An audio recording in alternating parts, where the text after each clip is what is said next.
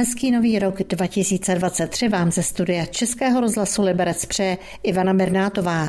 Doufám, že jste si už odpočinuli po silvestrovských oslavách a budete se moc v klidu zaposlouchat do zajímavých reportáží, které natočili loni naši redaktoři.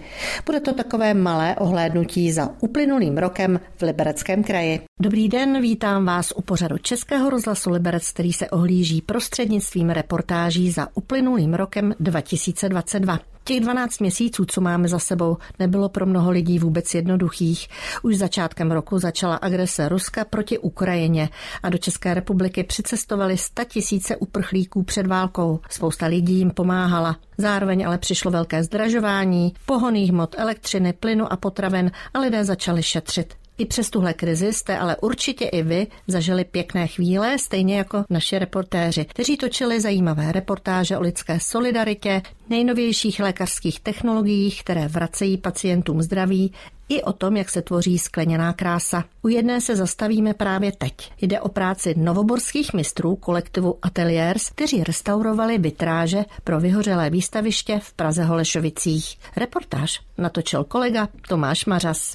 Takhle moc je uvolněná ta původní. Ano, v tomhle stavu jsou ty původní vitráže, No, bych měl strach vzít do ruky. To je správně. Když nevíte, jak tu vitráž uchopit a budete s ní manipulovat, aby vám ty skla v ní mohly praskat, zvlášť když je v tom stavu, v jakém je. V tomhle případě na průmyslovém paláce byl použitý kit, v kterém byla přísada suříku. Tohle, když uděláte, tak z toho kitu je beton. Takže riziko praskání skel při výjímání těch výplní je prostě ohromný. Říká Zdeněk Kudláček z kolektivu Ateliers. V ruce štípačky a zbavujete ta sklíčka toho olověného rámu. Ta vitráž je rozobraná z původní olověné osnovy na jednotlivý fragmenty skel. Hned se ukládají do odmáčecích ván. Zároveň se dělají šablony na místa a na skla, které byly defektní, rozbitý nebo zcela chyběly. To sklo po dohodě s památkáři bude vyměněno za takový, který tam prostě reálně sedne a bude mít stejný odstín a stejnou strukturu. Jak náročné je obstarat, sehnat sklo přesné barvy, přesného odstínu, který tam historicky byl? Největší problém je se špínkami barvama. To jsou jako barvy, které jsou lomený. Když si představíte modrou, tak jde jemně do fialkova. Šedavá jde jemně do modra. A takových skel v době vzniku těch původních vitráží tam je mnoho. Tak a vy jste dobrousel sklo, které budete vsazovat do vitráže. Se dopasovává to sklo. Takže modré sklo do olověného rámu? Tak nějak. Konkrétně koukáme na fotografii velikou, to je vitrážová stěna. Celkem se bavíme o 2300 metrů čtverečních vitráží plochy. To konkrétně, na co se teď koukáme, je severní průčelí průmyslového paláce, hlavní haly. Nejnáročnější na této zakázce je ten objem. Na průmyslovém paláci máme pouze dvě okna, která byla malovaná, zhruba 4x6 metrů. Jsou to okna podle návrhu Mikoláše Alše. Dodržujete to, jak to bylo namalováno. Takže hlídá hlídáte si ten styl, barevný odstíny, charakter té malby. Práce na vitráží by měly být hotové za dva a půl roku. Dodává reportér Českého rozhlasu Liberec Tomáš Mařas. Já připomenu, že uplynulý rok 2022 patřil také Mezinárodnímu roku skla. A slavila i Česká republika kolebka sklářských mistrů, kteří svou zručností dokázali prorazit do světa a vysloužit si mezinárodní uznání. A připomněl to loni na podzim v Liberci i týden křišťálového údolí, na kterém se představili nejen přední brusiči, skláští výtvarníci a šperkaři, ale například světoznámá modní návrhářka a vyučená sklářka Blanka Matragy. A teď na vepřové téma. Ovšem, nebudeme smažit řízky nebo vařit guláš, ale zajedeme do horní proseče, která leží mezi Libercem a Jabloncem. Na temní panelové sídliště se z okolních lesů stahují přemnožená divoká prasata.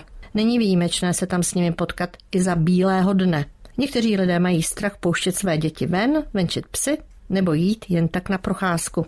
Jablonecká radnice se proto dohodla s myslivci na intenzivním odlovu přemnožené černé zvěře. Do okolních lesů je kvůli tomu až do konce února zakázaný vstup od soumraku až do rána. Jak upozorňuje reportérka Českého rozhlasu Liberec Eva Malá, opatření se týkají Rádla, Srnčího dolu a Prosického hřebene. Na uzavřenou oblast na místě upozorňují tabulky. Tady děti stály za těma dveřma a nemohli jít sem na zastávku, protože tady byly prasata. A to jsou malí děti. Líčí setkání s divočáky paní Hanka, která právě před jedním z paneláků ven venčí svého boloňského psíka Lily a jedním dechem dodává, že už se pomalu bojí vycházet ven. Jsme byli asi takhle, jak je ten přechod. Sedm jich prošlo, nejdřív čtyři, ale oni byli asi jako tam to auto vysoký a oni byli jako tmaví. Prošli čtyři. Tak jsme zůstali úplně stát, jo. Pak přišli ještě tři. A ještě říkala sousedka, dej ruce nahoru, a jsme větší. A pak jsme fakt takhle šli, jsme měli úplně dřevěný nohy, ne? Já se tomu směju, ale ono to asi no, úplně k smíchu není. No to teda jako není, jo. Takhle jdete a najednou vám od popelnice vyběhne, tak se leknete, to prostě se člověk bojí. Nahlížíme. Les je od domů, co by kamenem dohodil. Fuj, teď jsem asi šlapla co to je do jablek?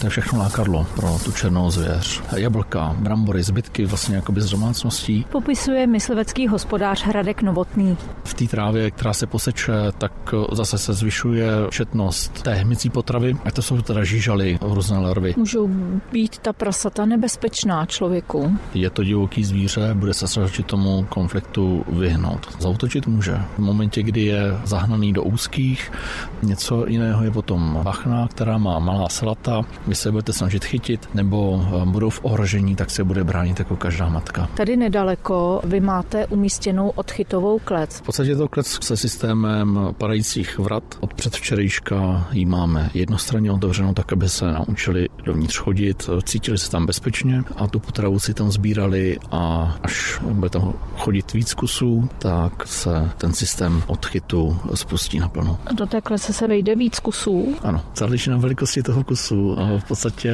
ta klec tak je schopná pojmout do nějakých čtyřech, pěti, šesti kusů. Záleží podle velikosti. Celý prostor je monitorován kamerovým systémem 24 hodin 7 dní v týdnu. Vždy od 18. hodiny do 6. raní je do okolních lesů vstup přísně zakázaný. Myslivci začnou divoká prasata lovit daleko intenzivněji. Bude to tam velmi nebezpečné, varuje vedoucí oddělení krizového řízení jabloneckého magistrátu Vratislav Pavlín. Zbraň, kterou myslivci používají, je potažmo vojenská zbraň a pokud vystřelí, tak ta kulka letí pět kilometrů, pokud netrefí, a po celou dobu letu má smrtící účinek. To znamená, není to samoučelné a samovolné jenom proto, že se někdo, teď to řeknu trošku lidovějc, na radnici vzpomněl a zakáže někomu vstoupit do lesa. Radnice chce navíc myslivce motivovat. Za každý odlovený kus jim dá 2000 korun. A teď tu mám skvělou zprávu a to, že libereckým lékařům a samozřejmě hlavně pacientům bude pomáhat operační robot. Jeho výhodou je, že se dostane tam, kde to lidská ruka jen těžko zvládá. Díky kameře umožňuje nahlédnout lékařům hluboko do operovaného těla a zároveň oběma rukama ovládat super jemné operační nástroje. Chirurgové ho budou využívat hlavně k odstraňování ginekologických a urologických nádorů. Více detailů přináší Jana Švecová. Výhoda toho robota je, že rozsah těch nástrojů je větší, než jsou lidské ruce. Čili operativa může být detailní, to je pomocí té kamery, a velmi jemná pomocí nástrojů, které mají velký rozsahy, že se odstraňují i tkáně, které byly obtížně dostupné normální technologii.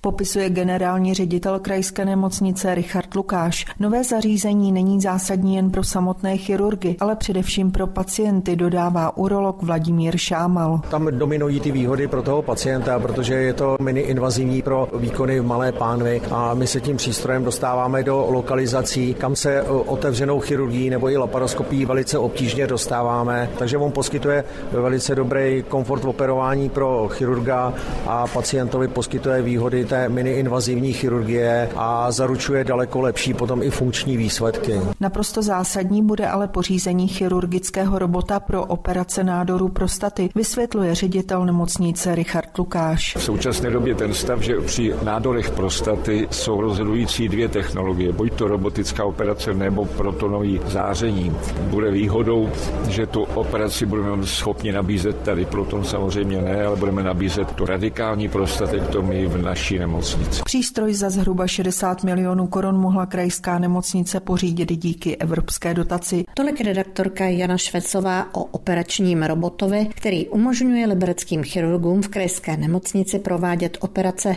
více radikální, ale méně invazivní. Laicky řečeno, jedná se o technologický zázrak, který ubližuje víc nádoru a méně pacientovi.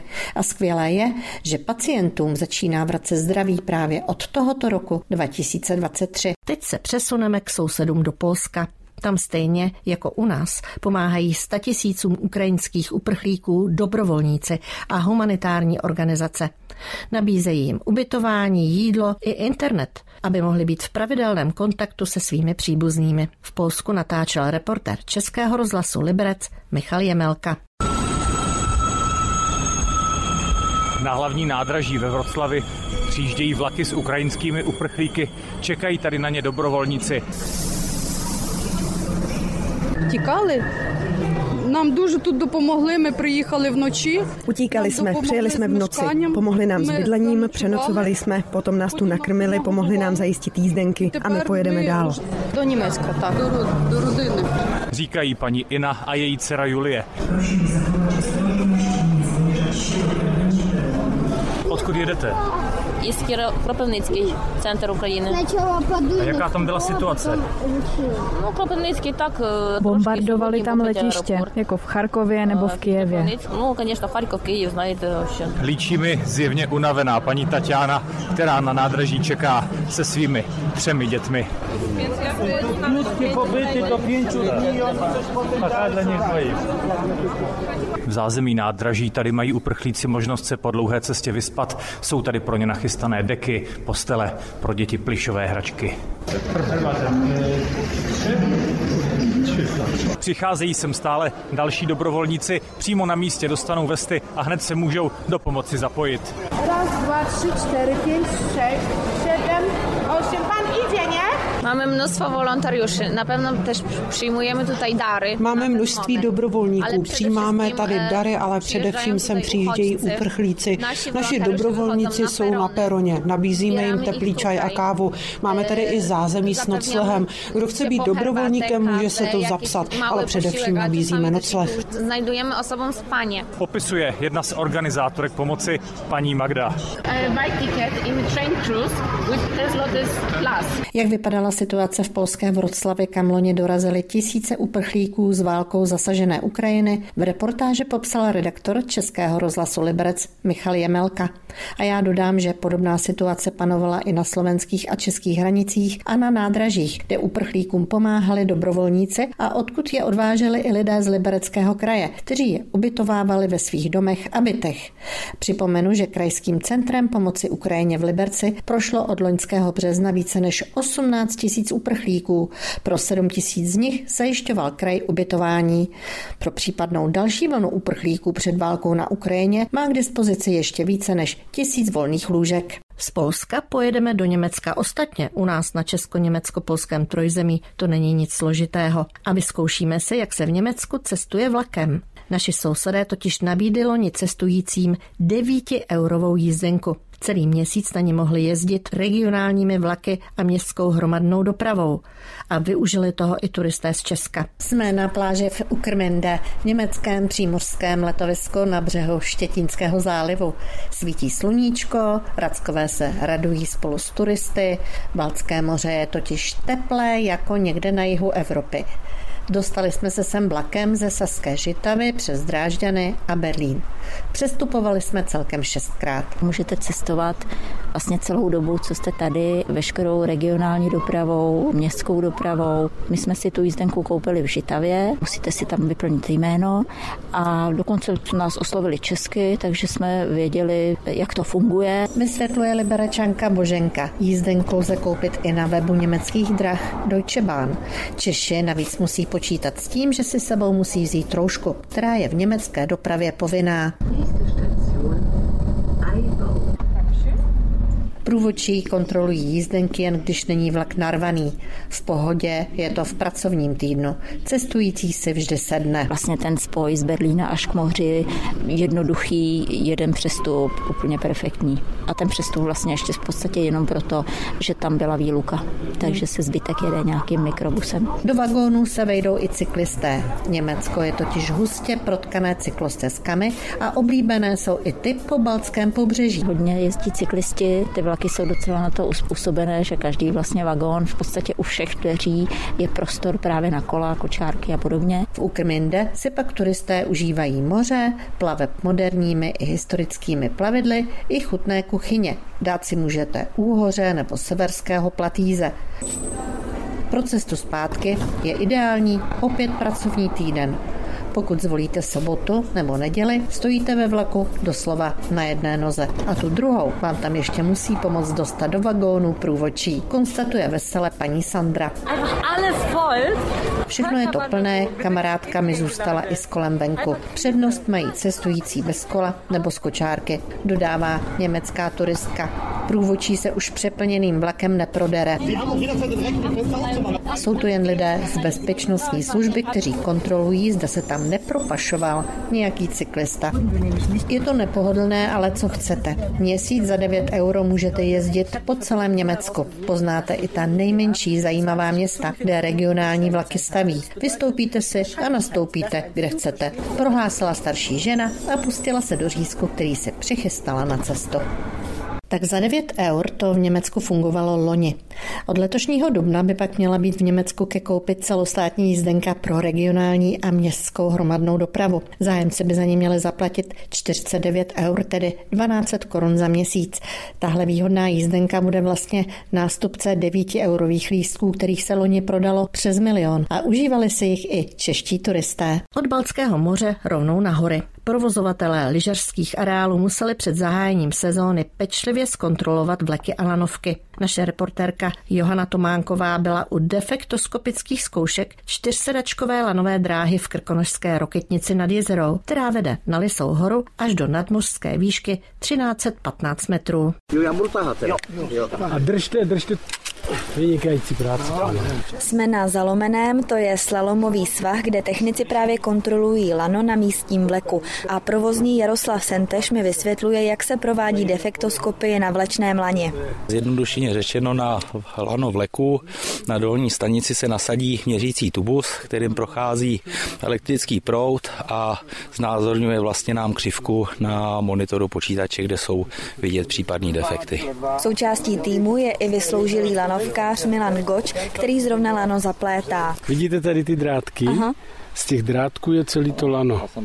A tam se dělá magnetoinduktivní zkouška, že se na to dá magnetická hlava a jak to lano projíždí tou hlavou, tak se měří, jestli některý z těch drátků není prasklý. A když jich je moc prasklých, tak se musí dát takhle nový lano, jako se teď tady dává, aby to bylo super. A když je to všechno v pořádku, tak se to hezky namaže a jde to do provozu na zimu.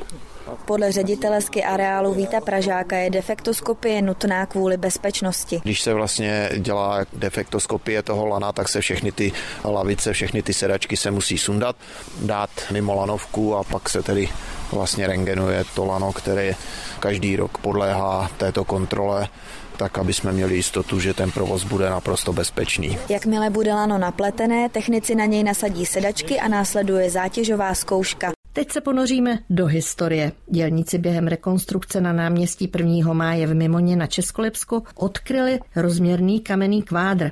Jak potvrdili archeologové, desítky let se pod dlažbou skrývala historická studna. U jejího odkrývání byl i redaktor Jiří Jelínek. Poslechněte si jeho reportáž. Pan Bagrista se spolu s archeologem pustili do ruční práce při odkrývání renesanční, jste říkal studny? On říká. On říká. Doufám, že to umíte i s pákama, i s základními nástroji. Jo, jo. Já co našel? Kolik to bude stát? Tady máme první talíř. Už je tvrdý. Kus talíře. No, on si to účtuje. Každý střep, stojí peníze. My teď vidíme, jak se postupně odkrývá vršek studny. Jde o zvlněné kamenné víko o, o hraně asi jeden metr. Další část operace už bude motorizovaná.